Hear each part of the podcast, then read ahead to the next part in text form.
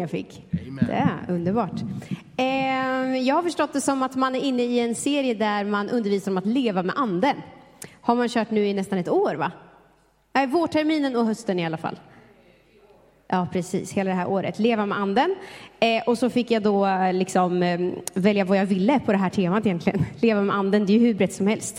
Eh, det är ju hela våra kristna liv. Men då har jag landat i den här rubriken i alla fall. Att livet med anden, det är lika med ett liv som gör oss mer lika Jesus.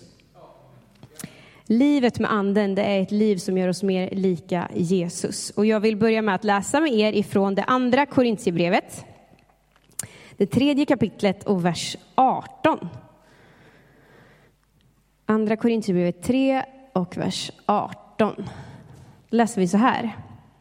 Och alla vi som med obeslöjat ansikte ser Herrens härlighet som i en spegel. Vi förvandlas till en och samma bild, från härlighet till härlighet. Det sker genom Herren, Anden.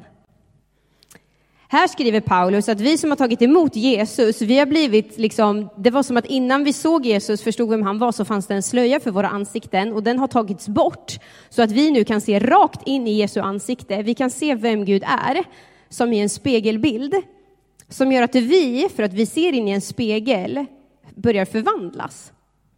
Vi blir alltså mer lika Jesus för att vi har tagit emot Jesus i våra liv, för att vi ser honom som i en spegel. Det betyder absolut inte att vi blir Jesus, aldrig någonsin. Ingen av oss kommer någonsin bli Gud, eh, men vi får bli lika honom. Och det här sker genom att anden tar plats i våra liv när vi tar emot Jesus. Och ibland så pratar vi ju kanske väldigt mycket om så här, ja men när jag får ta del av anden, då får jag del av Guds kraft och jag får ta del av de andliga gåvorna och jag ska liksom få se under och tecken och mirakler ske. Och allt det där är sant, jag tror på det. Men vad jag tror är ännu, ännu viktigare med vad anden gör i mig, det är att den formar min karaktär till att bli som Jesus. Och jag tycker att det är viktigare än att jag får se under och tecken ske runt omkring mig faktiskt. Det börjar med vad som sker på vår insida. Det börjar med vem jag är och vem jag blir när anden tar plats i mig. Att jag blir mer och mer lik Jesus. Alltså att de karaktärsdrag som Jesus har får börja ta mer plats i mig. Att jag börjar agera som Jesus skulle gjort i en situation, att jag säger som Jesus skulle sagt, att jag gör det Jesus hade gjort i olika situationer. Det är att bli mer och mer lik honom. Och det här är vad Bibeln och Jesus själv också i Bibeln beskriver som frukt. Alltså frukten i våra liv, det är det som kommer ur våra liv, resultatet av våra liv, produkten av våra liv. Det borde vara sånt som pekar på vem Jesus är. Och då blir ju en ganska viktig fråga, eller flera viktiga frågor, vad kommer ur våra liv? Vad sprider vi omkring oss? Vilken liksom doft eller eftersmak lämnar vi i ett sammanhang? När vi har varit på en plats, vad, liksom, vad lämnar vi efter oss där? Vad säger man om oss när vi inte längre är med? Det är en ganska viktig tanke att tänka ibland. Det kan ju vara jobbigt att tänka den tanken. Undrar vad man säger om mig när jag inte är med. Men jag tror det är en viktig tanke att tänka ibland. Vilka är vi och hur påverkar vi en grupp eller ett sammanhang? Är det Jesu egenskaper som syns och som märks? För jag tror att det är det anden vill göra i våra liv.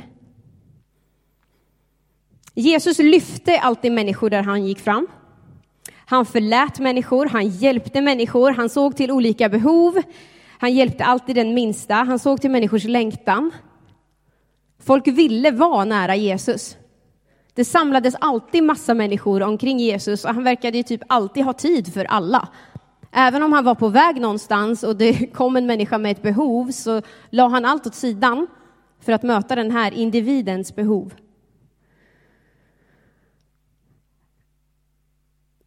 Är vi sådana som folk vill vara med?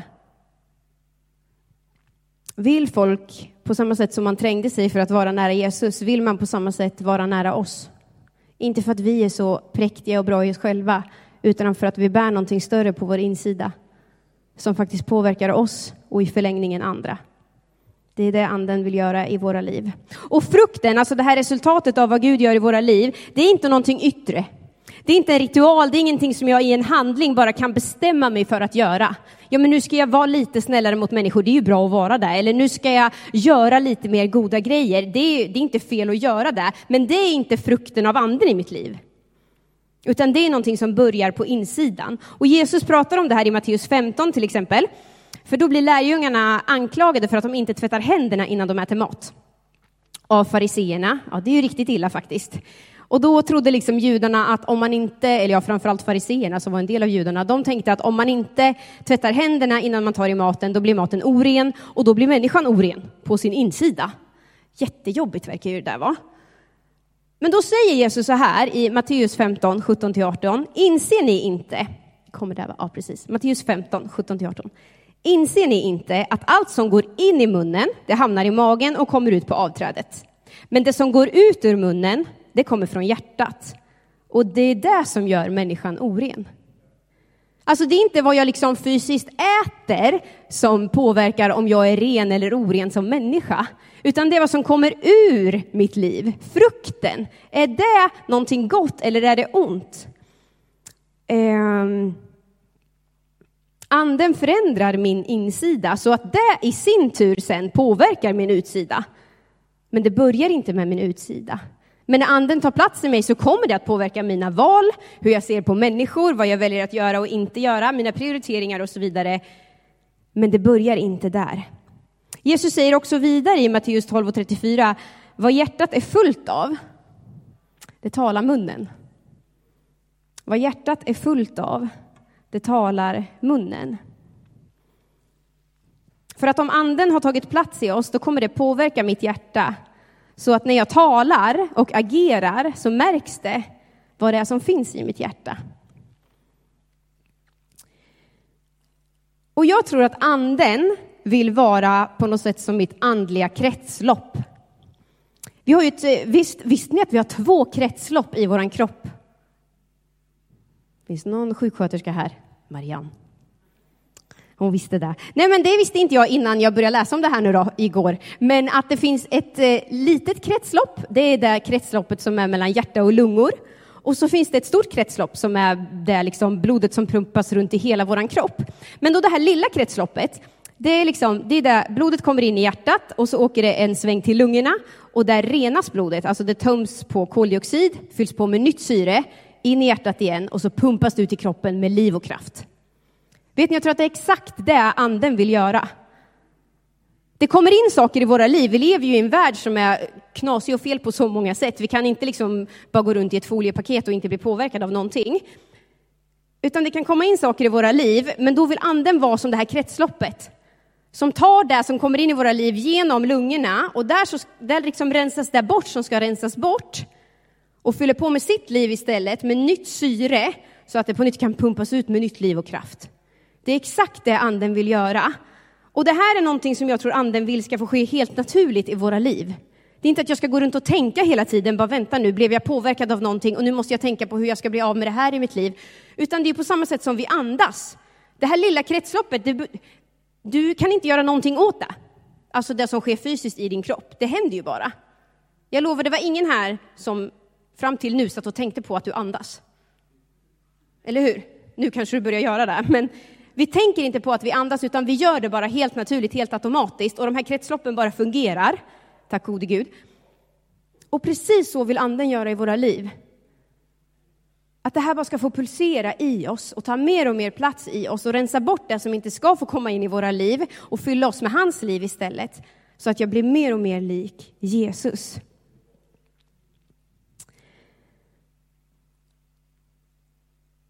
Och jag tror att mycket av det som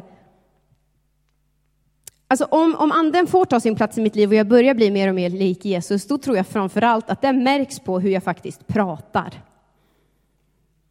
Inte bara att jag går och predikar Jesus hela tiden, det är inte det jag menar, men hur jag pratar om andra och hur jag pratar med andra.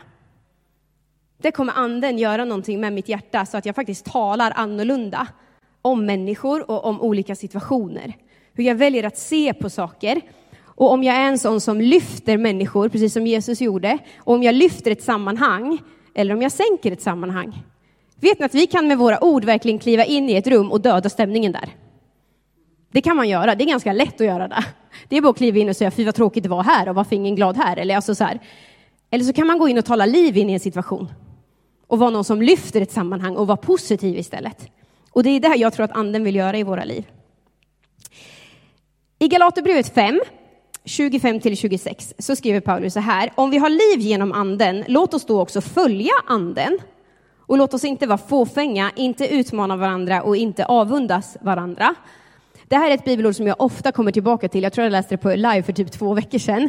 För att det är som att Paulus säger att om vi har liv genom anden, då ska vi också följa anden. Och så kommer en bibelvers till som verkar vara liksom motsatsen till att följa anden. Låt oss då inte vara fåfänga eller utmana varandra eller vara avundsjuka. Det där är inte det som kännetecknas av vem Jesus är, utan det är motsatsen till vad det är att följa Jesus. Eller att låta honom ta mer plats i våra liv. Att vara fåfäng, det handlar ju om att bara bry sig om en yttre polerad utsida. Och då menar inte jag att man inte får liksom tycka att det är kul att så sminka sig eller ha fina kläder eller sådär. Det kan man göra. Men vad lätt det är ibland att man bara bryr sig om den polerade yttre grejen även i våra kristna liv. Men det stämmer egentligen inte alls överens med vad som sker på vår insida. Och ibland så tror jag att vi blir så duktiga på att hålla upp en fasad i kyrkan över att allting måste vara så bra och allting måste vara så perfekt. Det har Jesus aldrig ut, eller liksom sagt att vi behöver vara. Jag tror att Jesus ber oss vara äkta med det som är bra och med det som är dåligt och framför allt i Guds församling. Och jag tror att anden i oss vill hjälpa oss så att vi kan känna att vi får vara samma personer oavsett vart vi är. Att vi inte är en person när vi är i kyrkan och sen en annan när vi är på vår arbetsplats. Och en tredje när vi är kanske med våra vänner och en fjärde när vi är någon annanstans. Och sen så råkar man vara på en plats och så möter man någon från kyrkan kanske. Och så blir det jättejobbigt för då vet man, verkligen, då vet man plötsligt inte vem man ska vara. Är ni med mig? Vet ni, det där är ju bara jättejobbigt. Och det där vill anden göra någonting åt i våra liv. Det är någonting som inte stämmer om jag står i kyrkan med lyfta händer och prisar Gud och sen på måndag så snackar jag skit om min chef på lunchrasten. Det tror jag är att vara fåfäng. Det är det Bibeln talar om. Det är något som, med mitt yttre som inte stämmer med mitt inre. Och det där vill anden göra någonting åt. Och det gör han om han får vara vårt inre kretslopp. Då pekar han på de där sakerna i kärlek till dig och mig och säger hej, det här ska vi ta bort nu, det här ska vi göra någonting åt. Vi läste också här att vi inte behöver utmana varandra eller avundas varandra. Jag tror att i Guds rike så får alla plats. Och inte på bekostnad av varandra. Det är det som är så häftigt. Det kan liksom aldrig bli fullt. Det är inte så här, jaha, nu har vi fyllt våran kvot och nu finns det ingen plats kvar här. Det finns alltid plats. För två veckor sedan så var vi på Pre-Unite med ungdomarna. Det är liksom en, en ungdoms, eh, ett jättestort ungdomsmöte i Västerås. Och vet ni, det var så fullt i den där kyrkan. Det var helt sjukt. Vi var 800 personer i Pingst Västerås. Och det, det kan man inte vara, typ. Men det gick. För det finns alltid plats. Det finns alltid plats i Guds hus. Och det är ju skämt åsido. Men det, det gör verkligen det. Det finns alltid plats och vi behöver inte utmana varandra eller liksom tänka att eh, bara för att en människa kanske kanske växer i sin relation med Gud och börjar förstå mer av vad Gud har lagt över dens liv, så betyder inte det att Gud håller tillbaka någonting över mitt liv. Gud funkar inte så. Utan när anden får ta plats i mitt liv, då gläds jag över när en annan människa växer i sin tro. När den kommer ut i vad Gud har kallat den till. För det betyder inte att jag får mindre av vad Gud har tänkt för mig. Jag tror att det här också handlar om att precis som jag sa förut, att tala gott om varandra. Det handlar om att inte snacka skit, att inte sprida skvaller, att inte ljuga, utan att tala sanning. Det är att ha en utsida som stämmer överens med min insida. Och det betyder ju inte att man inte ska prata om jobbiga saker. Det är klart man ska göra det. Ibland behöver ju saker redas ut. Det är jätteviktigt att man gör det. Men då är det jätteviktigt att vi också gör det med rätt personer. Att vi pratar med varandra istället för om varandra. Och jag vet inte, det här kanske är ett lite så här större problem i de lite yngre åldrarna. Eh, det kan vara så att ungdomar har en större tendens att prata om varandra istället för med varandra. Men ibland så hamnar jag i konflikter där människor berättar för mig om en konflikt och där jag behöver fråga så här, men vänta nu, vad, vad har du med den här konflikten att göra? Och det vet personen inte ens ibland. Men på något sätt så har man hamnat i en konflikt som inte ens är ens konflikt, för att vi tycker om att prata om varandra. Det här tror jag anden vill göra någonting åt i våra liv. Att vi inte pratar om varandra, utan med varandra när vi behöver göra det istället. Och istället för att bli avundsjuka på varandra så tror jag att vi kan få vara med och bli inspirerade av varandra. Vi har ju någon slags så här konstig mentalitet i vårt land, men den håller på att dö ut, tack gode gud, av att man inte får tro att man är bättre än någon annan. Eh, jantelagen, vet ni vad det är? Ja, jag frågade på live för två veckor sedan, de visste inte vad jantelagen var. Och då kände jag tack gode gud för det. På riktigt, för jag tror inte att den kommer från Gud. Att man inte får tro att man kan någonting, att man inte får tro att man är bra och att man inte får sticka ut. Det, det är inte Gud som har sagt det, tror inte jag. För att, för att jag tror på mig själv och för att jag vet att jag kan någonting så betyder inte det att någon annan är sämre. Eller för att någon annan, liksom, man har inte rätt att göra det på bekostnad av någon annan. Men man har rätt att tro att man är bra. Man har rätt att tro på sig själv och att tycka att man kan åstadkomma någonting. Det tycker jag. Och verkligen när vi tror att vi har Gud på vår sida. Det, det tycker jag och det tror jag på.